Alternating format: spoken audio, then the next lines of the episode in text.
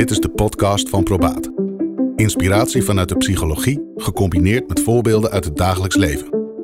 Zo staan we even stil bij werken en leven. Je luistert naar het tweede seizoen Probaat met gasten. En dit seizoen bespreek ik een casus met mijn gasten.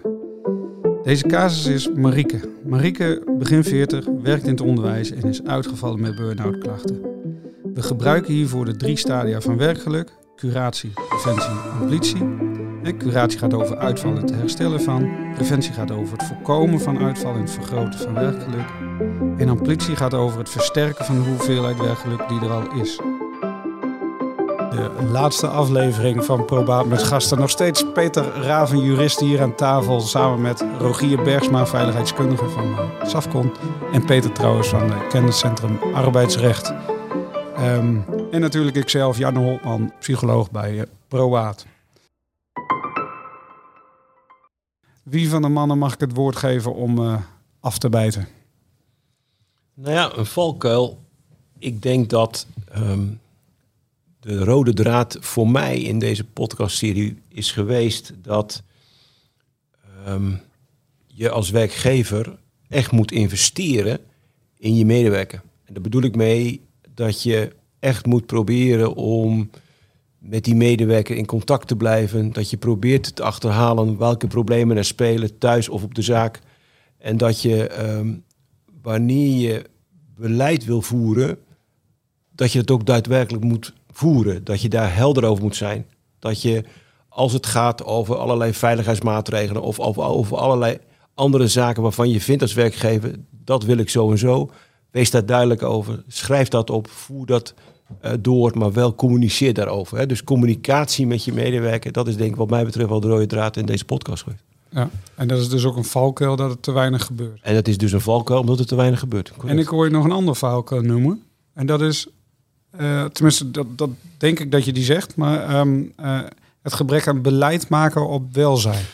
Ja, ik denk dat heel veel ondernemers die bij ons komen, komen met een probleem wat niet allemaal, maar wat voor een groot deel was op te lossen, was, was, was te voorkomen geweest als men daar helder beleid op had gevoerd. Voorbeeld, op het moment dat je vindt dat een, uh, een medewerker um, uh, niet te veel tijd mag spenderen achter zijn pc om allerlei privé-internet dingetjes te doen, dan moet je daar beleid op voeren. Als je vindt dat er niet gerookt mag worden in het gebouw, dan moet je daar beleid op voeren. Op het moment dat je vindt dat iemand aan een PMO, een periodiek medisch onderzoek aan mee moet doen, dan moet je daar beleid op voeren. Kortom, het gaat over duidelijk beleid communiceren met je medewerker. Dat is, vind ik, wel heel belangrijk. Ja. ja. En Rogier? Uh, ik ben het helemaal met je eens, uh, Peter, als het over beleid gaat. Ik wil nog wel aan toevoegen dat het is um, ook beleid, hè, juist beleid. Uh, maar niet alleen beleid. Beleid heb je uh, wel Zeker nodig niet. om ja. sturing en richting ja. te geven voor je keuzes. Zeker. Maar wat je ook wel vaak ziet is dat dat beleid dan wel in documenten is vormgegeven. En soms als onderdeel van een verplichte certificering bijvoorbeeld. Hè, als het gaat om VCA, een veiligheidssysteem. Uh, maar dan komen er op een gegeven moment keuzes in de organisatie van waar besteden we onze tijd aan. Gaan we nou nog even een uurtje met die medewerker zitten om te kijken wat die problemen thuis zijn. Om te voorkomen dat dat misschien nou, later misgaat? Of ga ik dat, tij, uh, dat uurtje toch nog besteden aan even achter die klant aan, het werk binnenhalen? Nog even. En vaak zie je toch dat uiteindelijk het werk, het, nou ja, het primaire werk, hè, zeg maar uh, het, het, omzet genereren, toch zo wel zo vaak voorgaat dat eigenlijk de mens daar weer tekort aan gaat. Klopt, dat is ook zo. Dat dan moet zo. je blijven geloven in het feit dat het mensenwerk kan renderen, um, preventie en politie, hè, dat tijd daarin in besteden dat dat uiteindelijk op lange termijn echt helpt. Ja, ik, dat is een moeilijke keuze. Eens, maar cijfermatig is het te berekenen hoeveel euro's je kwijt bent als ondernemer wanneer een medewerker uitvalt wegens ziekte. Ja. ja. Uh, um, Janno, volgens mij bij jou op de website um, staat een rekenmodel waar je op basis van een aantal uh, factoren kunt uitrekenen wat ongeveer de schadepost is van een uitval van een FTE. Ja. Kortom, het is aantoonbaar rendabel om te investeren. Ja.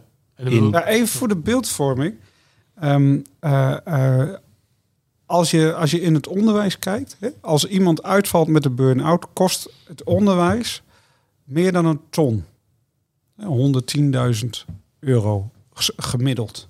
Dat hebben we laten berekenen en dan hebben verschillende bestuurders ook laten, laten voorgelegd. En dan hebben ze ook aangegeven dat zij dat herkennen. Ja.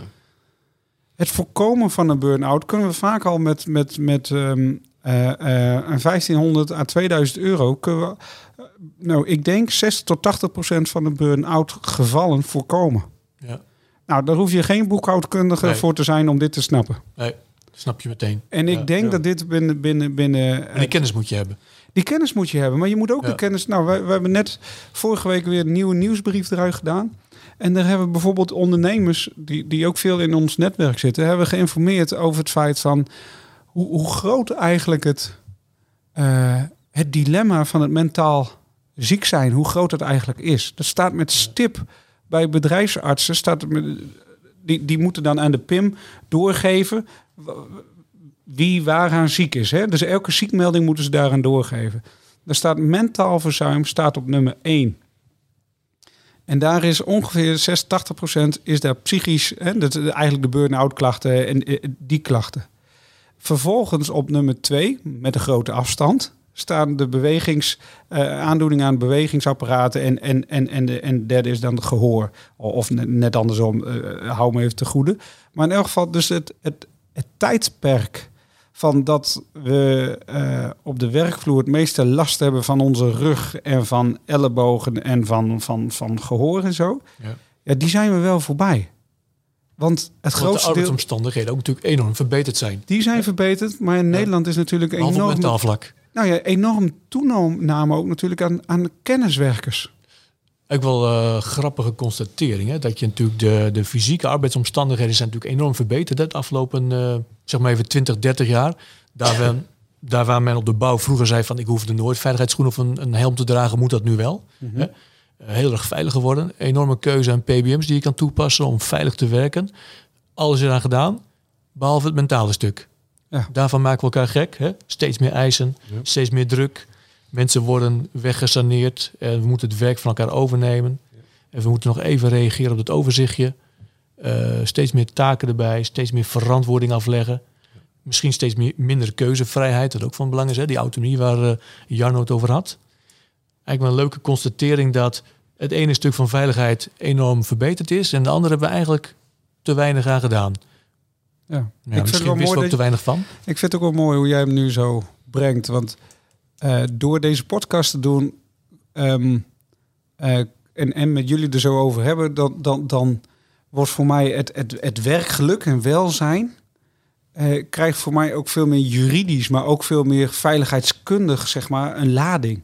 Ja. Want, want werkgeluk is ook gewoon een onderdeel van veiligheid. En zoals jij in een van de Ja. eerste podcasts zei, Rogier, is van, ehm, ja, maar weet je, als dit structureel uitval kan eh, brengen, zeg maar, hè, eh, als we weten dat je daar structureel mensen op uitvallen, is dat dus een risico Ja. die je dus een verplichting hebt om te voorkomen. En vervolgens zei Peter, ja, en de zorgplicht van de werkgever is, is, is, is groter geworden. Nou, dat, dat zijn voor mij echt wel grote inzichten. Ja. En, Of Wat- vergaande inzichten. Ja. Hè? Het gaat Ja. echt ver. en wat, wat, wat mij nu wel erg triggert is dat je, meen ik, een keer zei dat ehm, zorg gaat voor AVG. Hè? Dat we veel meer nog naar de vraag moeten kijken, wat kunnen we voor die medewerker betekenen? En hoe vertaalt zich dat in die zorgplicht van die medewerker en ook van mij als werkgever? Versus, maar waar word ik door begrensd en geblokkeerd en belemmerd door die AVG of door andere wet en regelgeving? Ja. En ik denk dat ehm, we meer en meer toe zullen moeten naar het zoeken van balans. Hè? Die AVG, ik heb het in een eerdere podcast meen gezegd, die AVG is op onderdelen een drama. Ehm, en natuurlijk wil ik snappen dat je de excessen moet tegengaan. Natuurlijk. En natuurlijk wil ik begrijpen dat, nou ja, mooi voorbeeld in tegenstelling tot, tot 20, 30 jaar terug, hè, waarin een, een, een vrouwelijke medewerker kwam, of, of een, een, een sollicitante kwam, kwam, kwam solliciteren en, en, en, en, en die overduidelijk kon zien dat zo iemand zwanger was, kun je er überhaupt nu niet meer naar vragen. Hè? Toen zei je gewoon, goh, eh, bent u in verwachting? Die vraag was ook nog heel normaal bij wijze van spreken. Nou, dat zijn allemaal zaken die niet meer kunnen. Prima. Maar de vraag is, er zijn wel grenzen.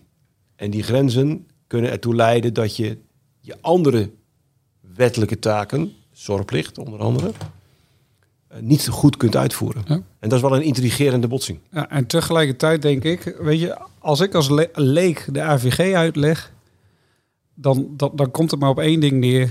Ik moet even vertellen waarom ik iets vastleg. eh, Ja. Zodat jij en ik weten waarom we het doen. Ja.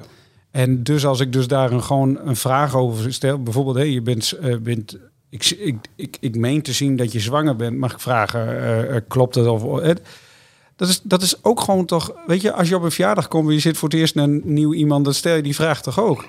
Alleen het punt is, het, het, het simpel deze vraag stellen is al een overschrijding van de AVG. Ja. En dat maakt het lastig. Hè? ehm, ik vind de vraag niet meer dan logisch. Als ondernemer. Ja. Maar als jurist vind ik er ook wat van. En dat bedoelde ik net te zeggen. Ehm, we zeggen wel eens, hè, er is ook een botsing van grondrechten. Nou, er is ook een botsing van wetgeving soms. Dat ik denk, hey, je ziet hier dat de AVG op sommige punten ehm, de invulling van die zorgplicht aan de zijde van de werkgever blokkeert, dan wel belemmert. En ik vind dat we daar wat aan moeten doen.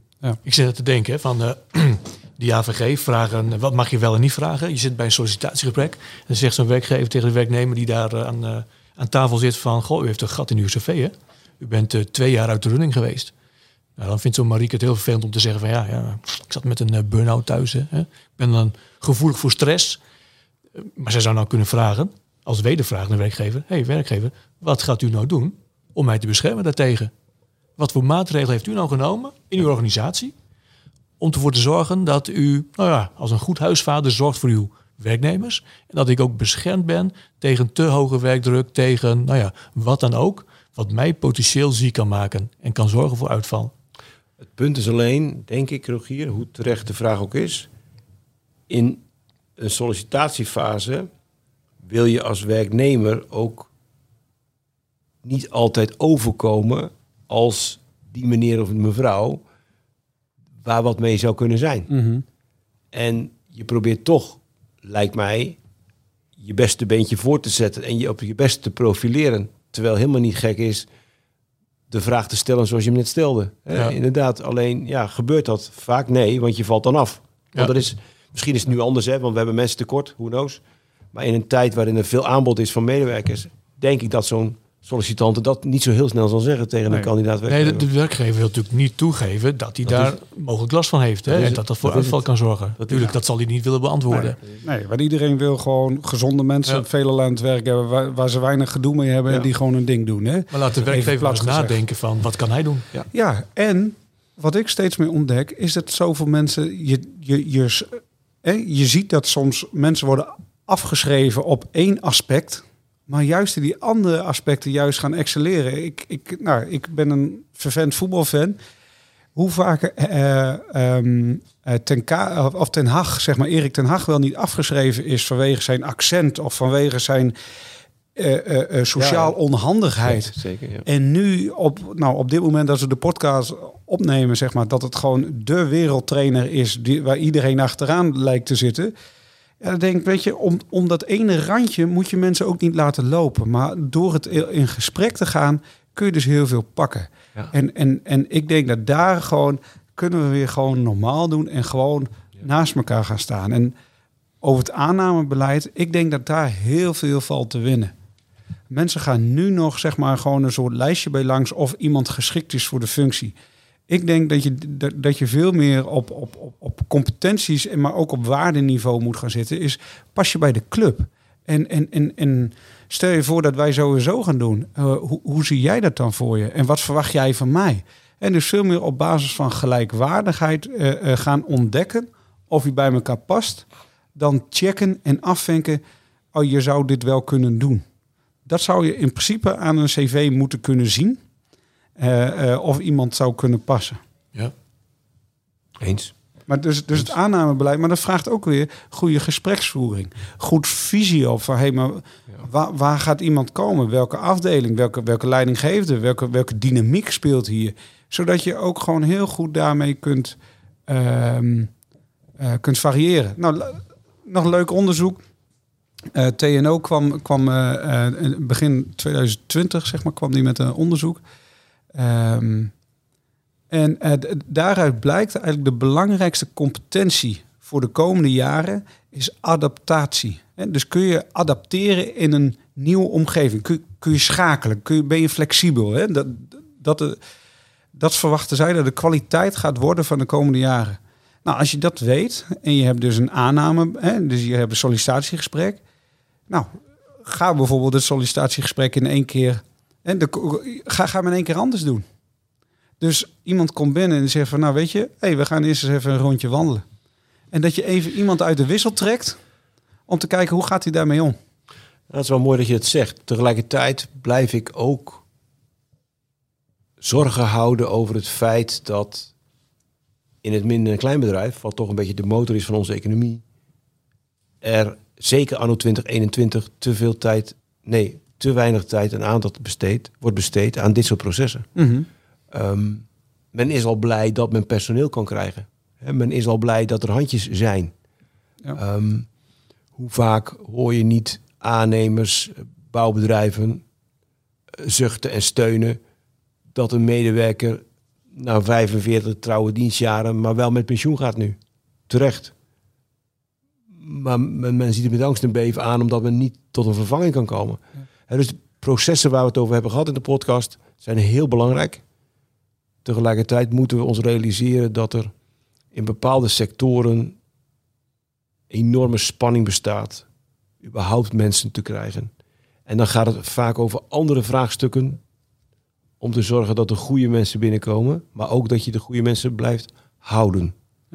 Ja, voor de crisis ehm, werkte ik nog bij Van Wijnen. Ook nog heb ik ook eh, een, een, een, nou, bijna een jaar gewerkt, zeg maar. Ehm, en toen, dat was echt de tijd dat mensen werden weggekocht hè, bij, bij bouwbedrijven. En ehm, dan op een gegeven moment gaat ga van ja, maar waar zorgen we nu nog voor? Hè? Dus waar letten we nu nog op? En waar, waar, gaan we voor, waar, waar gaan we voor ons nek voor uitsteken? En dat is wel iets wat jij ook zegt, Peter, van ehm, hoe minder tijd en energie je daaraan steekt, dat, dat gaat je opbreken op een gegeven moment. Zeker. En, en, en dus als mensen schaars worden, gaan andere belangen Ja, belangrijker worden. exact. Ik denk dat dat het exact is. Even terug naar de valkuilen. Ehm, Rogier, had jij ook nog wat eh, valkuilen? Nou, valkuilen kunnen natuurlijk zijn eh, werkdruk eh, niet serieus genoeg nemen. Hè, want we vragen steeds meer van elkaar. We vinden het ook normaal, hè. Ehm, we doen elkaar ook allemaal zelf aan. Hè? Want als je dan kijkt in deze, deze markt met eh krapte vol klusjesmannen. Ehm, je zou kunnen zeggen van, goed, het is druk. Ik, ik werk vijf dagen per week. Maar het is zo druk. We kunnen zoveel werk krijgen. Iedereen werkt zes dagen per week als je een klusjesman bent. En, en, daar krijg je stress van. En ze worden heel gestrest. Mensen vallen uit. Aan de andere kant zou je kunnen zeggen van, ondanks dat er veel werkdruk is en veel werk is, laat je niet gek maken. Even gekscherend gezegd. Ehm, maar dat doen we toch wel. We, we leggen elkaar zoveel druk op, want we weten wat, dat er werk is en dat er mailtjes eh, onbeantwoord zijn en, en dat mensen dat van je verwachten.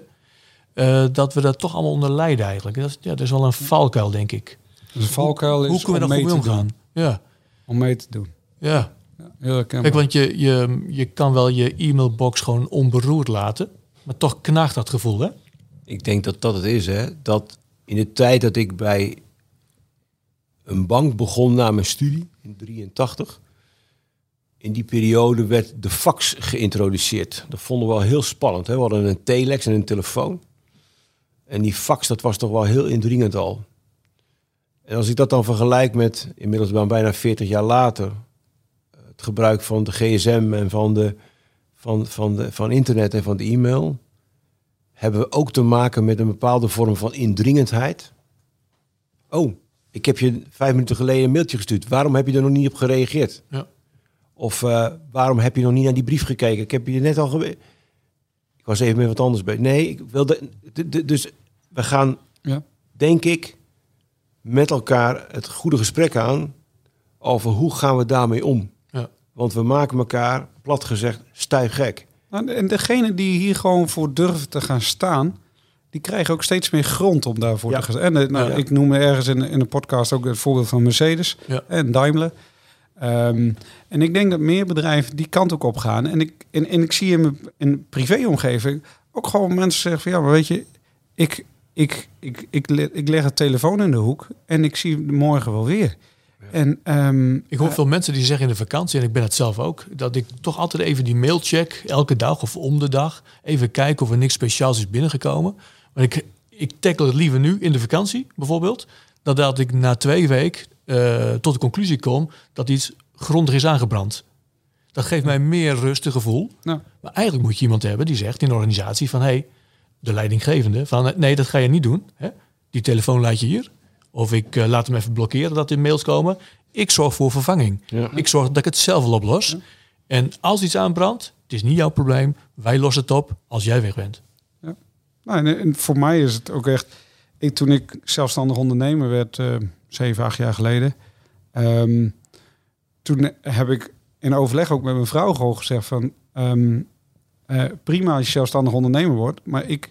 eh, maar hoe zorg je ervoor dat je privé er ook bent, zeg maar. En toen heb ik dus zelf besloten om bijvoorbeeld mijn zakelijke mail niet op mijn telefoon te zetten. En mijn telefoon gaat na zes uur gaat hij op niet storen. En alleen mensen die in mijn favorieten staan, zeg maar, komen er doorheen. Nou, dat, dat geeft mij heel veel rust. Ja. Eh, eh, waardoor ik dus ook in de vakanties, ja, dan, ben ik, da, da- dan neem ik mijn laptop dus niet mee op vakantie. Dus ik kan geen mail zien of beantwoorden. Maar als je een workaholic als baas hebt... en die neemt een andere norm mee naar Ja. zijn mensen... Ja. dan ben je overgeleverd aan dat beleid. Ja, maar dat, de vraag is dus, hoe lang blijven de workaholic bedrijven, Ja. hoe lang blijven die nog gezond bestaan? waarschijnlijk nog wel een tijdje totdat ze te veel te maken krijgen met langdurige uitval en zich achter de oren krabben en denken van hé, hey, wacht even. Het ligt niet alleen maar aan die medewerker, hè. die Marieke heeft er ook mee te maken. Daar wordt dan verteld van ja, jij kan niet goed tegen werkdruk, hè? Het is persoonlijk. Ja. Ehm, Ja. Maar goed, En dat is het deels ook. uiteraard. Maar, maar, maar, het is ook, allebei. maar, ja. maar, maar het is ook de sector waar je Ja. in zit. En de Ja. werkgever heeft er zeker een, een rol in, Oftewel, wij zullen met elkaar die zorgplicht. de zorgplicht moeten benoemen, invullen en handen en voeten aan geven. Ja. En dat kost tijd, het kost geld, het kost energie, dat snap ik allemaal. Maar het moet wel gebeuren. Omdat de gevallen waarin je als werkgever wordt aangesproken, aansprakelijk wordt gesteld, omdat een werknemer schade heeft geleden, omdat jij als werkgever niet goed voor die zorgplicht hebt gezorgd, of die zorgplicht niet goed hebt ingevuld, moet ik beter zeggen, ja, die zijn meer en meer aan de orde. Ja. Dus alleen al om die reden zullen we er wat mee moeten. Maar ik krijg wel te doen met de MKB'ers, zeg maar. Zeker weten, dat is een grote zorg die ik heb. Maar die moeten, die moeten al ontzettend hard werken. Eh, en dus die, die, die maken al weken van 60 tot 80 en misschien nog wel meer uur, zeg maar. Ehm, eh, om met het primair proces en, en dus eventueel in de avonduren nog wat, wat, wat, nou, secundaire, tertiaire processen zeg maar, af te wikkelen. Ehm, eh, ja, en, en, en, en, en dan ben je echt al aan de beurt. Ik ben bij, bij eh, toen ik nog echt nog aan het studeren was, was ik ook bij een bouwbedrijf aan het werk. Ja, er werd eentje ziek. Of nee, die lag in scheiding. Zo'n beetje het hele bedrijf failliet. Omdat die persoon gewoon een jaar eruit was.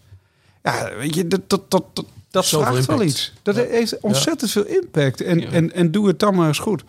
En misschien is dit, terwijl ik dit zo zeg... misschien is dat ook wel een oproep... misschien via deze manier ook aan eventueel de MKB'er die luistert...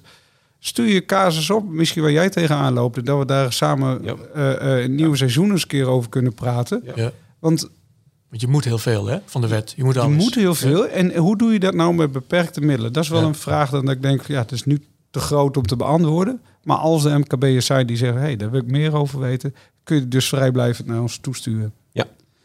Ik had eh, nog ook nog een paar valkuilen even opgeschreven. Ehm, een valkuil is wat ik denk ik zie, is, is, is, is gewoon blind doorgaan. Dus net doen alsof de markt, alsof de wetgeving, alsof de, de, de, eh, de ziektes om ons heen niet veranderd zijn. Dus alsof er geen burn-out of PSA bestaat, alsof er geen eh, eh, ehm, eh, wetgeving is veranderd. En dus gewoon blind doorgaan is eentje. Twee is, is, is een valkuil gebrekkig advies. En dus ehm, waar ik vaak mee te maken heb is als, als psycholoog is... ehm, eh, Ja, weet je, iedereen die, he- die, die, die, die weet wel iets van psychologie. Of in elk geval heeft de mening dat ze, iets, dat ze weten hoe het is. Ja, en daar heb je dus dan wel ehm, eh, mee te kampen. Ja. Nou, en verder voor de rest. En dat is een hele praktische valkuil. Vergeet. Mensen vergeten vaak te checken. Hoe bedoel je dat precies? Gewoon dat je zegt van. eh, nou, we stellen heel snel even de vraag: hoe is het? En dan krijg je het antwoord goed en dan gaan we weer door. Ah, maar heb je echt gecheckt of het goed is? Of als je nieuw iets doorvoert, Ja. heb je mensen vooraf even bij betrokken, zeg maar. Hè? En ik zie vaak de valkuil, er wordt gewoon wat erin gegooid. Of er worden afspraken gemaakt, maar er wordt niet echt goed op teruggekomen. Waardoor dus dingen vervliegen. En eigenlijk dus wrijving gaat ontstaan. Of, of, of verwijdering gaat ontstaan. Dat gaat, het gaat ook over luisteren dus, hè? Gaat ja, over- maar luisteren met... eigenlijk noemen we dat dan actief luisteren. Hè? Dus Ja, je gaat ook ja, terugkoppelen, zeg maar. Ja, precies. Helder. Dus, dus heb, ik, heb ik jou goed begrepen? Ja. Maar ik vind dat in de kern ook waar het om gaat. Dat het stellen van de vraag hoe gaat het met je, kan ook heel obligaat zijn. Ja. Ehm, daarom ben ik ook geen voorstander van om de huidige wijze van werken rond functionerende beoordelingsgesprekken met die standaard formulieren in stand te houden. Je mag wat mij betreft best wel richtlijnen gebruiken, maar je moet oppassen dat het je niet dwingt tot het obligaat invullen van die rubrieken en het ware gesprek niet voert. Het is wel mooi, Peter. Jij als jurist pleit ervoor om niet te juridisch te doen. Omdat ik zie dat we te veel in een eh, sterke juridisering van de maatschappij zijn terechtgekomen. Eh, natuurlijk, hè, de, de wet werk en zekerheid en de wet arbeidsmarkt in balans zijn voor ons als juristen een lawyers paradise. Maar we sluiten onze ogen niet voor de rouwranden die er zijn. En die zijn er. En daar moeten we wat aan doen. Want ehm, op het moment dat ik als werkgever ehm, vind dat mijn medewerker niet functioneert, dan kom ik er anno 2021 niet meer mee weg om simpelweg te roepen, jij functioneert niet en je moet weg. Je zult daar dus wat aan moeten doen. Ergo, als het goed is, heb je, omdat je goed geluisterd hebt, gaandeweg dat proces van niet functioneren ook al een aantal dingen opgepikt en gezegd, jongens, daar moet ik mee aan de slag en daar moet ik mee aan de slag. Het simpele feit dat een medewerker niet functioneert wil niet zeggen dat het alleen aan de medewerker ligt. Kan ook aan de werkgever liggen. Ja. En daarmee niet zeggend dat de verantwoordelijkheid voor het niet functioneren aan de zijde van de werknemer dus wordt opgeheven. Nee, maar het heeft er wel mee te maken. Ja. Denk Jij, ik. jij wilde ook nog wat op reageren, Rogier? Nee, ik zit eh, goed te luisteren naar Peter. Ik denk, ja, daar heeft hij helemaal gelijk in. Uiteraard, hè. Ja, ja, ja, ja. Je weet, regel 1, de juristen hebben gelijk. En eh, regel 2, nee. nee. maar in alle ernst, heren. Ik denk dat ehm, in alle, alle inmiddels 25 jaar dat ik nu in het vak zit... ik gezien heb hoe regels ook beknellend kunnen zijn. Regels ook belemmerend kunnen zijn. En regels daardoor ook niet tot zijn recht komen. En een van die knelpunten is wat mij betreft toch dat we zien dat werkgevers te laat aan de bel trekken op het moment dat ze zaken constateren waarvan ik denk, ja, als je toch wat alerter was geweest, had je dat kunnen zien. Ja. En natuurlijk, hè, als een medewerker die in scheiding ligt ehm, er niet over wil praten, dan is daar ook maar een uitgangspunt waar je mee moet dealen. Ja. Maar op het moment dat een medewerker en Jarno en ik hebben recent natuurlijk in een, in, een, in een workshop dat nog weer eens benoemd. Op het moment dat een medewerker ja, aantoonbaar minder gaat functioneren. En het wordt duidelijk dat het minder functioneren te maken heeft met het feit dat hij in een vechtscheiding ligt. Ja, dan zal ik daar als werkgever toch wat mee moeten. Of hij dat nou wil of niet. Ja, en het is... De scheiding is niet jouw probleem, maar de gevolgen van de scheiding Exact. is wel jouw probleem. Exact, dat is het. En, en ehm, eh, dus de persoon in kwestie mag vinden zeg maar, dat het jou niks aangaat. Ja. Tegelijkertijd gaat het niet functioneren, gaat jou wel aan. En dat is precies mijn punt. Oftewel, we zullen, want die, die medewerker zal zeggen, het gaat je niet aan, het is privé. En by the way, En heeft hij drie letters geleerd, de AVG, dat roept hij dan constant. Nee, daar gaat het niet om. Het gaat erom, dus zie wat Jarno zegt. Het feit dat jij in een vechtscheiding ligt, leidt tot uitval. En dus heb ik er wat mee te maken. Ja. En dan moet je oppassen dat je, kun- dat je niet zegt, dan heb ik er dus last van. Nee, dan moet je zeggen, dan heb ik er dus mee te maken. Ja. En dus ben ik onderdeel geworden van het proces, hoe los ik het op? Ja. En het kan zijn dat je die medewerker naar een psycholoog stuurt of naar een therapeut. Of je stuurt hem naar, eh, naar je eigen advocaat om hem te helpen. Als hij dat wil, om, om, om, om hem juridisch te ondersteunen. Maakt me niet uit hoe je het doet. Maar op het moment dat je zegt, ik heb een medewerker, die is me zeer waardevol. Goed gefunctioneerd. En nu ontstaat er dus in privé deze situatie. Ja, ik denk dat je actief moet dealen ermee. Hebben jullie nog wat eh, tips eh, voor de luisteraars of adviezen? Want die li- liepen, lopen nou een beetje door elkaar heen. Maar misschien hebben jullie nog zoiets. Nou, ik wil in elk geval dat nog. eh, Nou ja, www.kenniscentrumarmenstig.nl, maar die bedoel, die bedoel je denk ik niet. Ehm, nee, ik denk tips, ik, ik denk dat die in de podcast wel aardig aan de orde zijn geweest. Komt in de kern erop neer, trek tijdig aan de bel. en doe gewoon, zeg maar. En doe gewoon, ja zeker. Ja. Dat, ja. Rogier. Dat. Ja, eh, geef, geef tijd voor je medewerker, voor de mens, wat we al zeggen. Ja. Maar maak als eh, leidinggevende van de leidinggevende, de bestuurder bijvoorbeeld, ehm, geef ze ook die taak mee en de, de tijd ook om dat ook te realiseren. Ja. Geef ze niet alleen maar de technische taak mee. Nou, dat zie je veel, hè? Eh, het technisch beroep wordt uitgevoerd en de mens is factor 3 misschien. Maar nee, leidinggevenden eh, moeten actief mee met hun medewerkers om nou, te weten wat er speelt, met ze in gesprek raken. Daar moeten ze tijd voor krijgen. Ja. Ja. En dat is lang niet altijd makkelijk, vooral in het MKB niet, hè, want dan heb je al schaarse tijd en lage marges. Ehm, ik snap ook echt wel dat dat een, eh, een pijnpunt voor veel ondernemers is. Ehm, maar goed, op een, op een school zou dat moeten kunnen. Nou, Eens. dan heb ik ook nog wat, eh, wat tips of adviezen. Is eh, als je, nou, iedereen werkt in een specifieke sector, ken je risicofactoren dus. Ken Ja. dus je factoren, waar vallen mensen dus aan uit. Ja. En, en, en, en naast het kennen, doe er dan ook iets mee. Ga ontdekken wat je ermee kunt. En dat kan dus Ja. bijvoorbeeld bij, bij Safcon om je veiligheids, eh, eh, om veiligheidsadviseur in te schakelen om, te, om, om een quickscan te doen. Eh, of bijvoorbeeld naar probaat om te kijken, hé, maar wat, wat, dit zijn onze risico's en, en, en wat kunnen we ermee? Eh, dus dat, dat is één ding. Ken ze en, en zoek daar mensen voor op die daar, die daar verstand van hebben. Rust je leidinggevende toe. Hè. Dus eh, em, met gespreksvaardigheden of technieken. Zorg dat ze, dat ze eh, goed zeg maar, weten wat er nodig is in de markt. En als laatste tip had ik ook nog als advies. ehm, kijk ook gewoon naar wat je hebt. Wees eens dankbaar van wat, wat, je, wat het mooie er al is. Hoe de mooie de relaties zijn of hoe mooie producten je levert. En hoe meer je dat, dat ziet en hoe meer je dat deelt, hoe, ehm, ja, hoe, hoe, hoe mooier dat ook door de organisatie heen waait, zeg maar. Eens. Ik, eh, ik, nog een kleine anekdote. Of eh, als je naar ambitie kijkt, dan heb je ver- verschillende onderdelen daar nog in. En, en eentje zijn gedragsmatige activiteiten. Nou, een beetje complex woord. Oftewel, je moet gewoon leuke dingen doen, zeg maar. Hè? Eh, en het klinkt een beetje gezapig. Ehm, maar maar dat- je kunt het ook heel groot en zwaar aanpakken. In Colombia kennen jullie allemaal de, de, de FARC-strijders.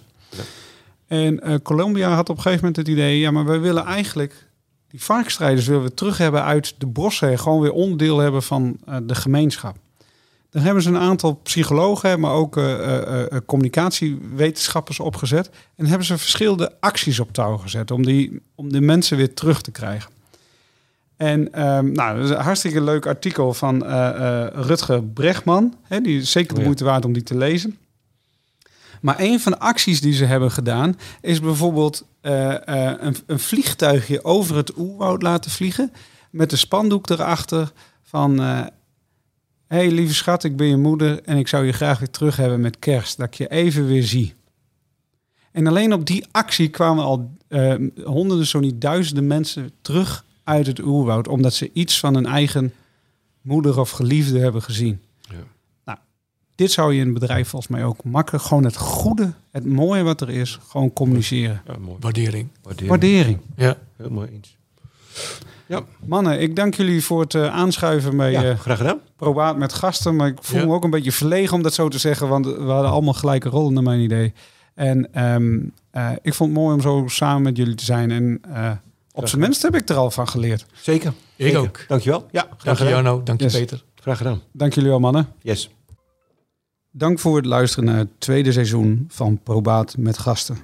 Hierbij zitten er alweer drie seizoenen podcast op van Probaat. Dit seizoen werkte Rogier Bergsma, veiligheidskundige bij Safcom mee. Peter Raven, jurist bij Kenniscentrum Arbeidsrecht en natuurlijk ook ikzelf als psycholoog. We hadden hiervoor een casus vanuit het onderwijs als uitgangspunt genomen omdat we alle drie deze herkenden. Voor het nieuwe seizoen hebben we het voornemen om een casus van onze luisteraars te gaan uitpluizen en te voorzien van advies. Dit betekent dat we ze in het bijzijn van de podcastapparatuur gaan bespreken en gaan beschouwen vanuit het juridisch, veiligheidskundige en psychologisch perspectief. Gewoon kosteloos. Mocht jij dus een vraagstuk hebben, stuur hem in naar vraag.probaat.nu. En wellicht werken we deze in het voorjaar van 2022 voor jou uit. Mocht je niet zo lang kunnen wachten, kun je ons natuurlijk ook gewoon rechtstreeks contacten om jou en jouw organisatie verder te helpen. En wellicht erger te voorkomen of mooier te doen ontwikkelen. Voor nu bedankt voor het luisteren. En waardeer je onze inzet, geef een duimpje omhoog en stuur de podcast door. Mijn naam is Jarno Holtman, arbeidspsycholoog bij Probaat, expertisecentrum voor werkgeluk. Dit was de Probaat Podcast. U kunt ons vinden op www.probaat.nu. En de volgende vindt u ook hier.